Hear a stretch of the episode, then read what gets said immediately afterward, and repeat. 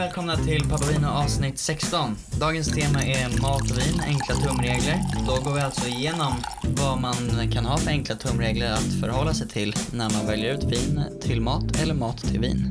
I slutet kommer vi även pröva ett vin som heter Kloster Erebach. Mm.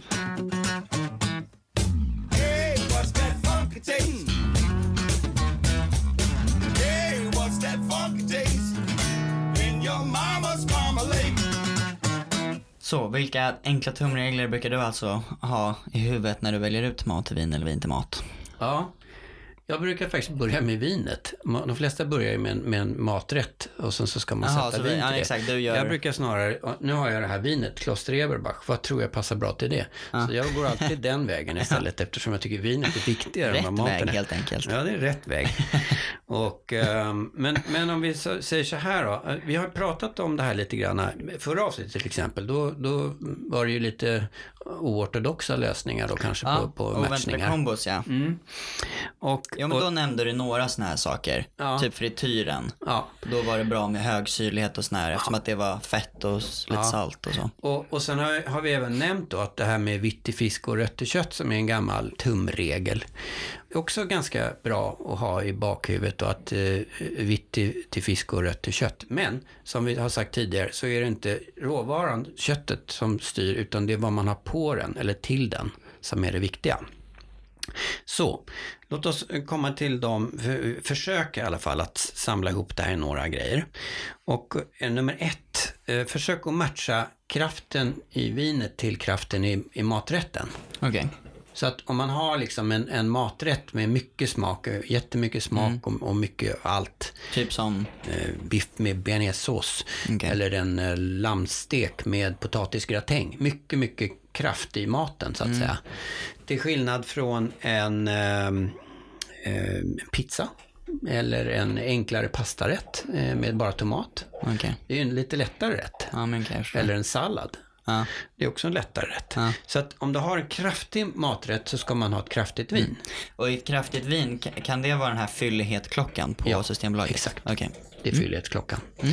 Och eh, även lite strävhet kanske också. Så att kraften eh, i maten ska spegla kraften i, i vinet. Sen så ska man ju försöka spegla smakerna eller matcha smakerna lite grann. Så att har man ett, ett syrligt vin så ska man ha syrlig mat. Alltså en frisk syra i maten. Okej. Alltså en vitvinsås har ju mycket syra i sig va. Och, och då, då, är det, då är det bra med ett syrligt vin. Mm. Annars, så om man, annars känns det väl alldeles för surt väl? Om du har en söt maträtt och ett syrligt vin, då blir det ju extremt. Ja, då känns vinet mycket syrligare. Så de liksom skrapar emot varandra då istället? Ja. Okej. De kom, det, det ena förstärker det, det, det andra vinet på ett negativt sätt. Mm. Medan syran i vinet minskar om du har en syra i maten. En hollandaisesås till exempel, den är också Mm. syrlig. Va? Den är jättebra. Eller citron eller någonting. Va? Mm.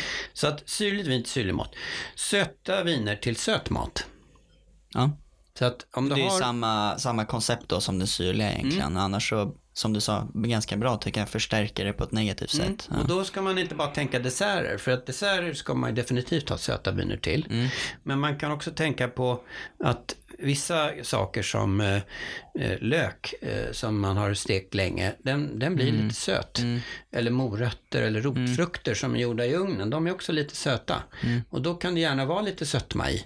Och sen har man kanske även något tillbehör, alltså någon gelé eller någon lingon, eh, rårörda lingon eller något sånt här. Mm. Som både är syrligt och sött. Eh, och då är det bra att ha eh, både den här lilla syran och sötman i vinet. Och det finns ju också de här klockorna som vi har gått igenom i ett avsnitt. Så att det är det. Eh, och sen då söta viner till umami-rik mat. Och då kan man fråga sig vad umami-rik mat är för någonting. Men det, det är alltså, umami är ju ett Inte det begrepp. tomater och sånt eller? Ja, det, det är ett japanskt ord som betyder smakrik. Men, men eh, skaldjur innehåller mycket umami. Okej. Och det finns en... Eh, Jag tror man skulle ha typ torra viner eller så här syrliga torra vita viner till skaldjur, eller? ja, det beror lite på vad det är för skaldjur. Men det, du ska ha en, en bra syra, men du får gärna ha lite sötma i, i vinet. Om du har ett, ett skaldjur som innehåller lite, som har lite sötma. Umami-rik mat, det är till exempel japansk mat eller skaldjur. Och då ska det gärna vara lite sötma i. Umami, det är ju då eh, någonting som eh, heter natriumglutamat. Okej. Som är en smakförstärkare. Okej. Och förr i tiden så, alltså natriumglutamat är inte särskilt bra att äta. Det är, inte- det är inte särskilt nyttigt eller någonting. Men förr så använde man faktiskt natriumglutamat och hade i mat för att smakförstärka det. Istället för salt typ. Ja, men det hette ar- aromat, hette det. Aromat, man hade Mhm. Men det, det fungerar ungefär som samma sätt det är lite, som salt. det är lite salt och lite metallisk smak nästan om man smakar Okej. bara på den. Ja, ja. Det är ganska gott faktiskt, men, men det är inte speciellt nyttigt. Och eh, billigare buljonger, här pulverbuljonger Aha, brukar innehålla uh. natriumglutamat. Om du tänker dig pulverbuljong, Ja, om du skulle smaka på det, då har du en uh, glutamatkänsla i munnen. okej. Okej. Syrligt vin till salt mat. Så har du sälta i maten så är det gott med ett friskt och ett syrligt vin. Okej. Och- Alltså vita då, snackar vi. Eh, men ja, nej, det kan faktiskt vara rött också för att eh, för sig. Mm. det är hög syra i röda viner också. Så att, Om jag eh, tänkte på de här klockorna. Ja, jo men nej men det ska Eller nog vara syra, syrlighet finns inte på röda viner va, på Systembolaget? Klockmässigt. Oh. Gör det? Aha. Vilken är det som är, som är vit men inte Ja, röd? det, är, det, är, det är sötman som är den vita Aha. och, och istället så har du tanniner på de röda. Ja, just det, just det. Just det. Okej. Mm. Okej, så det var de va. Alltså eh, syrligt vin till syrlig mat, söta viner till söt mat, eh, söta viner till umamirik mat och syrligt vin till salt mat. What you gonna do for me? What you gonna do for me?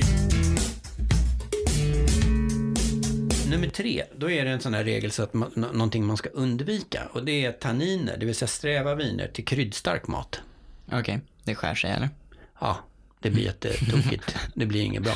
Så att undvik tanniner när du har kryddstark mat. Däremot så kan du gärna ha lite sötma istället i vinet då till kryddstark mat.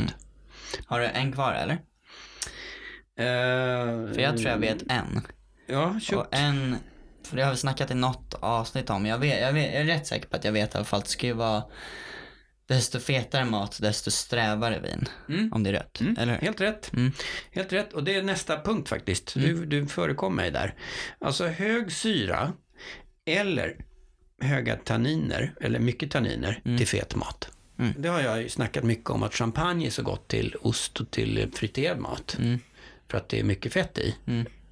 Så är det samtidigt då, den här höga syran, den kan ju vara bra med, med, även med, med bearnaisesås. Men om du då tar ett rött vin med höga tanninhalter, ett jättesträvt vin, då måste du ha fet mat. Alltså så att, för då försvinner den här, den här strävheten. Exakt. Så att en potatisgratäng eller pommes frites och bea och, och ett jättesträvt eh, cabernet sauvignon-vin, då märks inte tanninerna. Nej.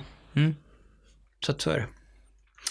Eh, Var det de reglerna? Ja, en en, en liten punkt till och det är också en sån här grej som man kan tänka lite på att fundera lite på varifrån vinet kommer och sen kan man ju tänka på vad är det för typ av mat de har där. Det brukar oftast funka med den maten som Okej. man kanske förknippar med det området. Så Italien, medelhavsmat liksom. Ja, Italien har ju mycket pasta och du har enkla rätter. Alltså du har en, är det en stek så har du en stek och sen har du lite tillbehör vid sidan av. Kanske Mm. spenat som är fräst i smör eller någonting sånt. Det är enkel mat va? med fina råvaror. I eh, Mm. USA. Frankrike eller USA. Ja, exakt. I USA där har du mycket grillat. Ja. Eh, Barbecue. Och exakt, va, barbecue och sen har du då de här mat, eh, röda vinerna med mycket tanniner i. Och jättegott Mm. till den här, eh, och frukt, framförallt frukt och lite fruktsötma i. Mm. Tänk lite på varifrån kommer vinet, vad har man för mat där? Well, my daddy always told me if you wanna be a star, all you gotta do is get a really cool car. Vi gör bara ett litet experiment för att jag säger några rätter och så får du säga liksom lite snabbt då, eller att jag kanske också säger med de här tumreglerna då, vilket typ av vin. Bara vanlig pasta och köttfärssås. Mm. Då är det, men den, den skulle jag säga är ganska, vad var det första regeln du sa, smakrik? Ja, liksom kraftig, Kraftig, kraftig ja. mat Ja. och kraftigt vin. Och pasta med köttfärssås, är det kraftigt? Ganska. Eller? Köttfärssås tänker jag är ganska, Ja, det är, mycket, det är rätt mycket smak, men det är inte särskilt kraftig mat. okej.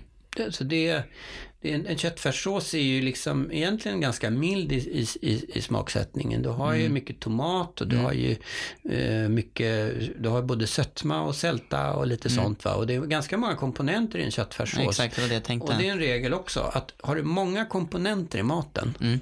många olika typer av kryddor i maten, då ska du välja ett enklare vin. Okej. För har du Ja, för för fint vin mycket då så annars. kan det bli för krångligt med, med en komplicerad. Och, och, i- om vi har då ett jätte, det här jättefina vinet som du har fått i present för tio år sedan, Mm. ehm, som du inte riktigt vet, då ska du ha en, en, en rätt med en fin råvara, Mm. men inte så mycket ingredienser. Okej. Alltså lite enklare men mycket Mm. smak. Så om man tänker sig då den här jättefina köttbiten som man i princip bara steker upp och äter nästan som, Som den är är. med bara lite Ja. tillbehör. Då kan du ha ett kraftigt strävt rött vin som är jätte, jättebra. Det Mm. ja, men det funkar. makes sense.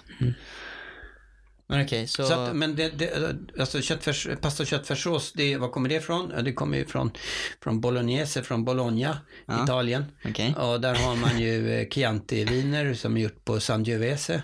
Fruktiga, bäriga, trevliga viner. Eh, Så ett, ett, eh, en Sangiovese eh, med inte för mycket, inte för fin liksom, utan en enklare Sangiovese tycker jag är bra. Okej, vi säger um, en, en caesarsallad. Mm. Vad har du i en caesarsallad? Den är ju väldigt, den är ju inte alls eh, så kraftig. Nej.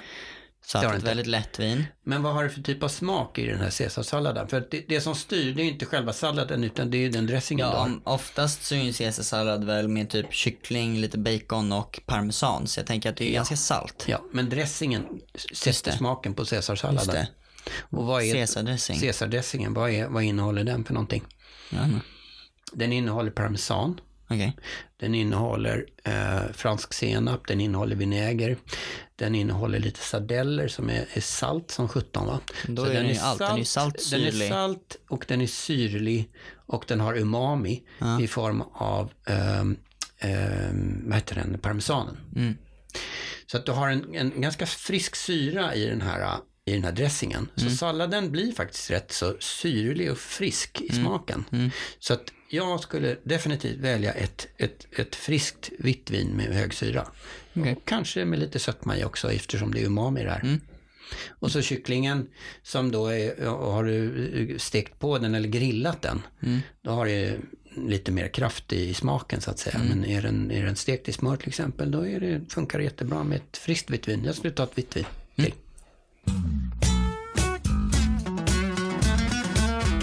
Veckans ord. Det var innan här vi spelade in så frågade jag exakt vad destillera betyder inom vinvärlden. Mm. Eh, Och sen avbröt jag dig innan du började för då kan vi ta det nu. Okej, veckans ord blir destillera och det är eh, när man vill eh, tillverka alkohol som är starkare än, än vad vin, om du vill göra sprit helt enkelt. Mm.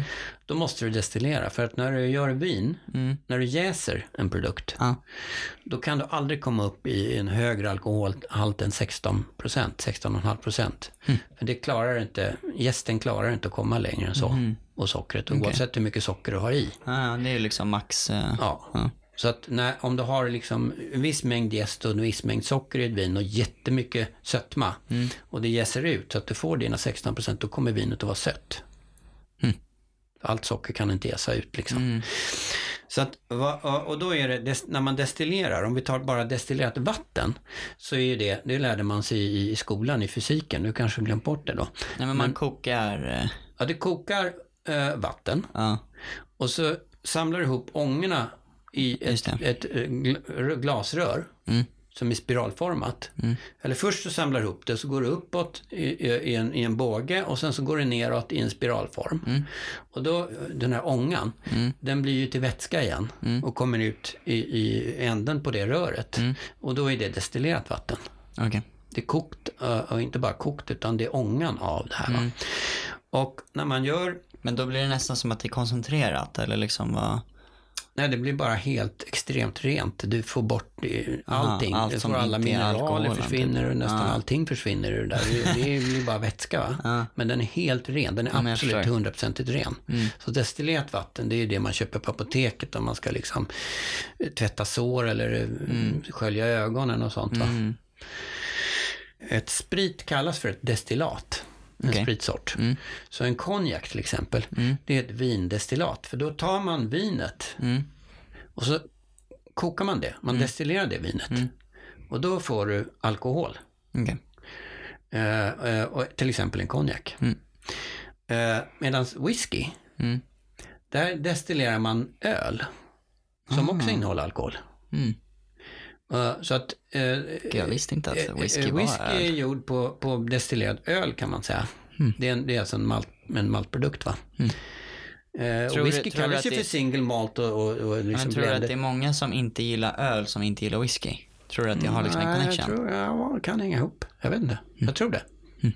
Det är oftast män som gillar whisky och oftast män som gillar öl också. så att, jag är lite, Ja. lite um, prejudice här, men, men det, så kan det vara. Ja. Eh, och ett vindestillat är då någonting man, man destillerar. Och det är precis samma sak. Man har en stor, eh, ofta kopparpanna eh, panna som är jättestor och så kokar man då det här och ut kommer den rena alkoholen. Och då är det massor med grejer som man ska akta sig för. Det, eh, det vill säga det första som kommer ut där ur ska man inte, det är giftigt. Mm. Vad är det då? Det, det, det är träsprit, va? Det, det, det blir man blind av. Det ska man inte dricka. Och det sista som kommer ut, det, det ska man inte heller ta. Va?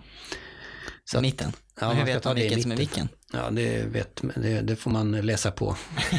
Det är ju olagligt att destillera själv, du vet va? Aha. Hem, hembränt kallas ju det. Ja. Fast det gör man ju rätt mycket i, i norra Sverige. Det tror jag väl puttrar i varenda garderob. Det, det är inte ovanligt. det är en kulturgrej, säger vi. Det smakar inget vidare. Där. Nej. Men det finns ju folk som är duktiga på det. Va? Men, men, eh, men eh, det, det, det är i alla fall det, det är destillera. Okej. Man gör sprit. Idag ska vi prova det här som heter Kloster Eberbach. Mm. En Riesling kabinett, vad är det för någonting? Alltså kabinett är en, en kvalitetsgrad. Och det säger lite grann om hur sent man skördar eh, druvorna. Då har man den, den enklaste som är kvalitetsvin mitt predikat, QMP. Och då är det ett lite enklare vin då, men, men tillräckligt bra för att vara kvalitetsbestämt. Och sen så har vi då kabinett som är ett, för, från början kan man säga att det var för att mm, tala om att man hade skördat druvorna när de var väldigt mogna eller kanske lite mer mogna. Okej. För att få en viss kraft och en viss sötma i dem. Och om vi bara tar de andra då så finns det Spätlese, som är, de skördar man dem ännu lite senare. Och så har man Auslese, som egentligen betyder att de är skördade från, men då är det oftast eh, specifika, specifika områden. Och de är oftast, alltså de är lite sötare helt enkelt. Spätlese och Auslese, framförallt Auslese, är lite sötare. Okej, så kabinett är alltså lite sötare? Nej, kabinett är lite torrare för den är Mm. fortfarande skördad liksom när, när druvorna är mogna, inte när de har torkat. Och sen så har du Beerenauslese som är ännu sötare. Mm. Och sen har du det sötaste vinet som heter Trockenbeerenauslese. Just det, men det känner jag igen. Trocken... Trockenbeerenauslese är ju alltså, Men trocken känner jag igen. trocken är torrt. Okej. Och trockenbeeren det är alltså torra bär, det vill säga russin. Mm. Och du, tor, du skördar druvorna när de har legat kvar så länge på stockarna så att de har nästan blivit russin. Okej. Och då får du ett jättesött vin. Och, och jättegott också. Eh, men, i alla fall, det här är en kabinett. Den är inte söt utan den här är ett torrt vin. Och eh, den har en, en, eftersom man skriver ut kabinett på flaskan så är det en, en bra kvalitet på vinet. Anser vinmakaren. Det första jag noterade när jag tog den här flaskan i handen var att jag tog den runt halsen och sen så tog jag en hand under och kände att den var platt. Okej. Jag tror det är första gången jag kände en flaska som är platt på undersidan. Mm. Det känns jättekonstigt. Intressant. Ja, men man är så van vid konstigt Att de nog. har en grop där under. Ja, Mm. men och sen så, eller vadå, ta på den. Tycker inte du det känns konstigt? Nej, jag tycker inte det känns konstigt. Sen är de ju, tyska viner har ju den här lite smalare, högre flaskan. Mm. Ehm, och då måste man väl få plats med 75 centiliter i den, så det går inte att kanske är därför. Jag vet inte. Ja. Men den här, det är rätt intressant, för ett antal år sedan så ändrade de etiketten på det här vinet. Mm. För att från början så var det en sån här stiliserad tysk örn på den. Mm. S- Och liksom många fick ju liksom lite Nazityskland-vibbar av den där Jaha. etiketten. Jag tror att de, de har ändrat den. Jag vet inte om det är därför de har ändrat den, men den var ju väldigt Jo, men det så... kan ju vara taktiskt. Ja, det är ett kooperativ Kloster Eberback och de gör ett fantastiskt bra vin. Och om man är i Tyskland, i det här området då, ska man absolut åka dit och titta för det, det är ett, eh, verkligen ett, ett jättevackert eh, gammalt kloster. Och eh, när jag var där första gången så tyckte jag att jag kände igen det där. Jag undrade liksom, vad sjutton känner jag igen det här ifrån? Och då hade jag sett, för inte ganska nyligen så hade jag sett en film med eh, Sean Connery som heter Ro, I rosens namn, som var Okej. byggd på en bestsellerbok. Ja. Som var en deckare, medeltidsdeckare i klostermiljö. Bland munkar. Det var munkar som dog och så kom då den här munken, Sean Connery som var en munk då, som kom ifrån högkvarteret. Han var deckarmunken. Ja, jag kan inte se mig. Sean Connery som en munk. Nej, men han var faktiskt bra. Han Han är ju bra. den mest obomunkiska personen som Nej, finns. nej, så här ser det Så såg den ut. Ja, det där ser ut som rena rama. Ja, men det där ser ju extremt du nazi ut. Ja. Vi ska lägga ut en bild på det på, på, på våra sociala medier. Kan ni se om ni, vad ni tycker. Eh, och så den här texten då. Den är ju också så här gammal tysk. Eh, ja. Jo, men Text. där, där kan vi faktiskt förstå varför de bytte.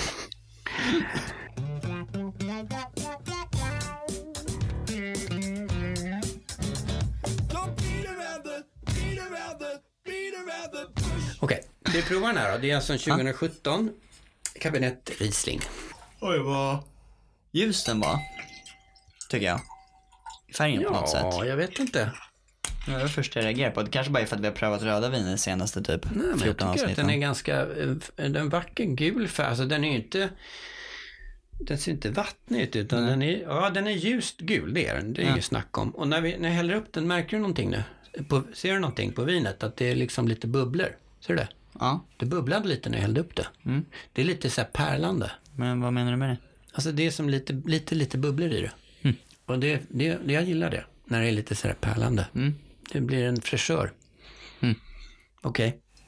Oh, sticker nästan lite i näsan. Doftar ju vår. Ja, det gör det faktiskt. Jag tyckte redan på färgen att det ser somrigt ut. En härlig doft. Och den har ju väldigt typiska Riesling. Du har lite lime och du har lite, lite grapefrukt. Du har den här som man brukar säga petroleum, lite, lite, eh, lite fotogentonen i sig. Som, Men vet du vad jag försöker sitta och tänka ut? Nej. Det doft, det... Jag tycker det doftar dels lite kokos. Mm. Men sen så tycker jag att det doftar, alltså så här, en speciell typ Bounty. Alltså så här, det var det absolut första jag fick in i huvudet var en sån. Mm. Inte Bounty, det är så här, det är en sån godis jag vet jag ätit men egentligen inte brukar äta så jag vet inte vad den heter. Mm. Men typ som Bounty, alltså så här, typ som en kokostopp. Alltså, Men vet du vad som har börjat hända nu? Du börjar få associationer med grejer som du känner igen, det vill säga godis och, och andra saker. Och det är för att du har börjat utveckla förmågan att koppla ihop en doft med en sak.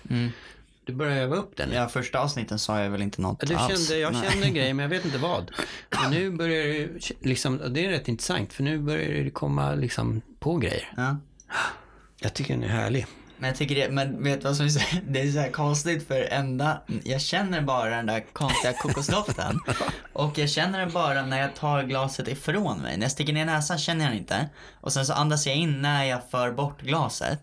Och då får jag bara så här, äh, alltså sprängande doft av den där äh, jävla godisen som jag inte vet vad den heter. Det är skitfrustrerande.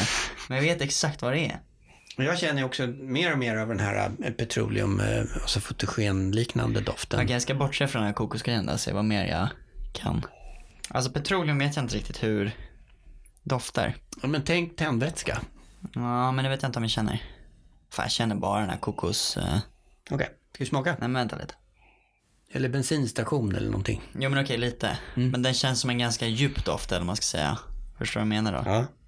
Jo, men den är integrerad med alla de andra, så att det, Mm. det, det svåra är ju att plocka isär dem. Ja, men den här kokosen står ju i ett annat kvarter. Det är ju liksom... Okej. Dock tyckte jag att det doftar gott, alltså men den här Bounty hur nice som Ah, ja, helst. nu, bra, nu smakar vi. Skål. Skål. Det var bubbligt faktiskt. Mm. Det, här var, det här var väldigt gott. Jag förstod att du skulle gilla det. Det har en det liten, du har en, jättegott. en, en liten sötma. Inte en sån liten heller. Mm. Jag Men tycker det också det var ja, det var- supergott. Ja, men jag vill också, den här var faktiskt extremt god. Den här vill man ju liksom bara dricka mer av. Ja. Gud, den här var jättegod. Det Mm. här kan vara ett av de bästa vinet vi har prövat hittills, jag var helt ärlig. Jo, men alltså det här vinet funkar ju väldigt bra att ha just som ett sällskapsvin. Mm. Alltså man behöver inte äta Hur mycket någonting. kostar den här? Den här kostade 109. Mm. Och eh, det finns ju torrare Rieslingviner och det finns även sötare Rieslingviner. De har ju en, eh, en Spätlese också eh, som är lite sötare. Men den här har ju en liten, liten sötma. Mm. Men den här var inte för syrlig heller. Vissa vita viner kan vara lite, för syrliga. Och speciellt Riesling brukar ju vara väldigt syrliga. Men jag ska titta vad den här... Men den här, var, den här tyckte jag var extremt välbalanserad men att den har då den här lite söta tonen. Ja. Som var väldigt, väldigt god och väldigt liksom fruktig och ska- läskande på ett Jag ska sätt. titta på, på eh, vad, vad, vad Systembolaget säger om den här när det gäller... De kommer stå, då kanske de skriver den här kokostoppen. Jag ska googla kokosgodisar. På klockorna är det då... Ja, den har en liten sötma. Den, och just det, det var där, nu kommer jag ihåg varför jag valde det här vinet. Det är just därför att den har lite mer sötma. Okej. Och varför gjorde jag det? Jo, för att jag tror att det här vinet eh, funkar superbra med eh, just lite asiatiska smaker. Så att om, jag, jag rekommenderar det här vinet till om man har då någonting med kimchi eller någonting med japanska kryddsättningar eller någonting med lite hetta i. eh, så funkar det här jättebra. Den Annars har- var det ett väldigt bra, som du sa, sällskapsvin. Det här tycker jag är väldigt bra, bara sitta och dricka som fördrink eller någonting.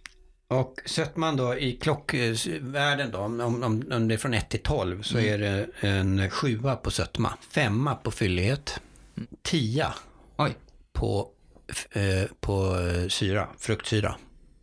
Det är jag som jätte... sa att det inte var så syrligt. Jo men vet du, det är det som händer när det är sötma i. För då märker du inte syran, för den balanserar ju, de balanserar varandra ganska bra. Men det är jättehög syra i det här vinet. Det var väldigt gott här. Eh, alkoholstarkt var det. Ja, det var bara 7,5. Nej men det är inte så starkt. Nej, exakt. Det är inte alls starkt. Nej. De brukar ju vara det dubbla. Mm, Ja, fast just de här tyska, inte så, inte så, inte så alkoholstarkt. Och en- det- Moselviner som ju kommer i närheten, inte så långt härifrån, från, det här är Rheingau. Men eh, Moselviner är ofta inte starkare än 7-8 procent och är också lite sötma i, lite frisk, eh, härlig syra. Men till systemet säger att det är en druva mycket frisk smak, sötma, inslag av päron, honung, ananas, mineral och lime. Serveras till fisk eller skal, sällskapsdryck eller fisk, skaldjur, gärna med heta eller asiatiska inslag. Så att det var därför jag valde den här just. Om man, man, om man ska testa då och, och eh, ha asiatisk mat eh, eller vin till asiatisk mat så är det här ett bra val. Vad får den för papavinoscore då? Pappa Vinoscore av mig får den här en, eh, en åtta. Och av mig får den nog en nia. Wow. Mm. Åtta, nio, åtta och en halv. Mm. Det är bra. Det är väldigt bra. Ja. Det är högst hittills. Ja. Skål. Snyggt jobbat.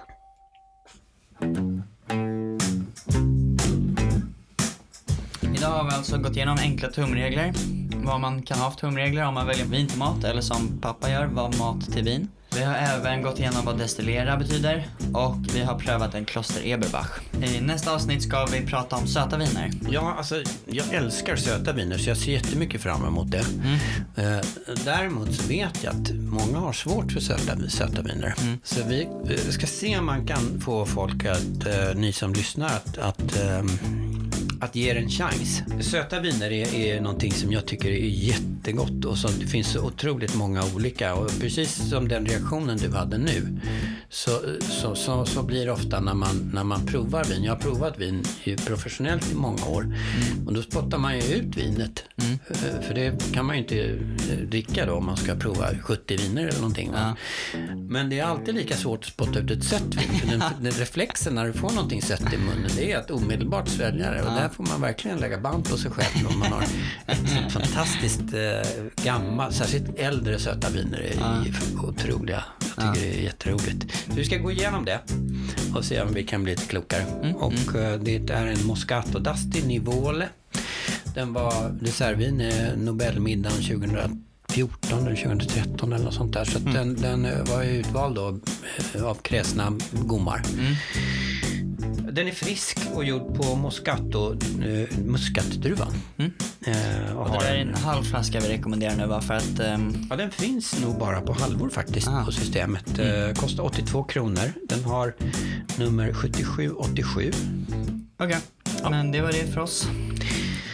Tack för idag. Tack för idag.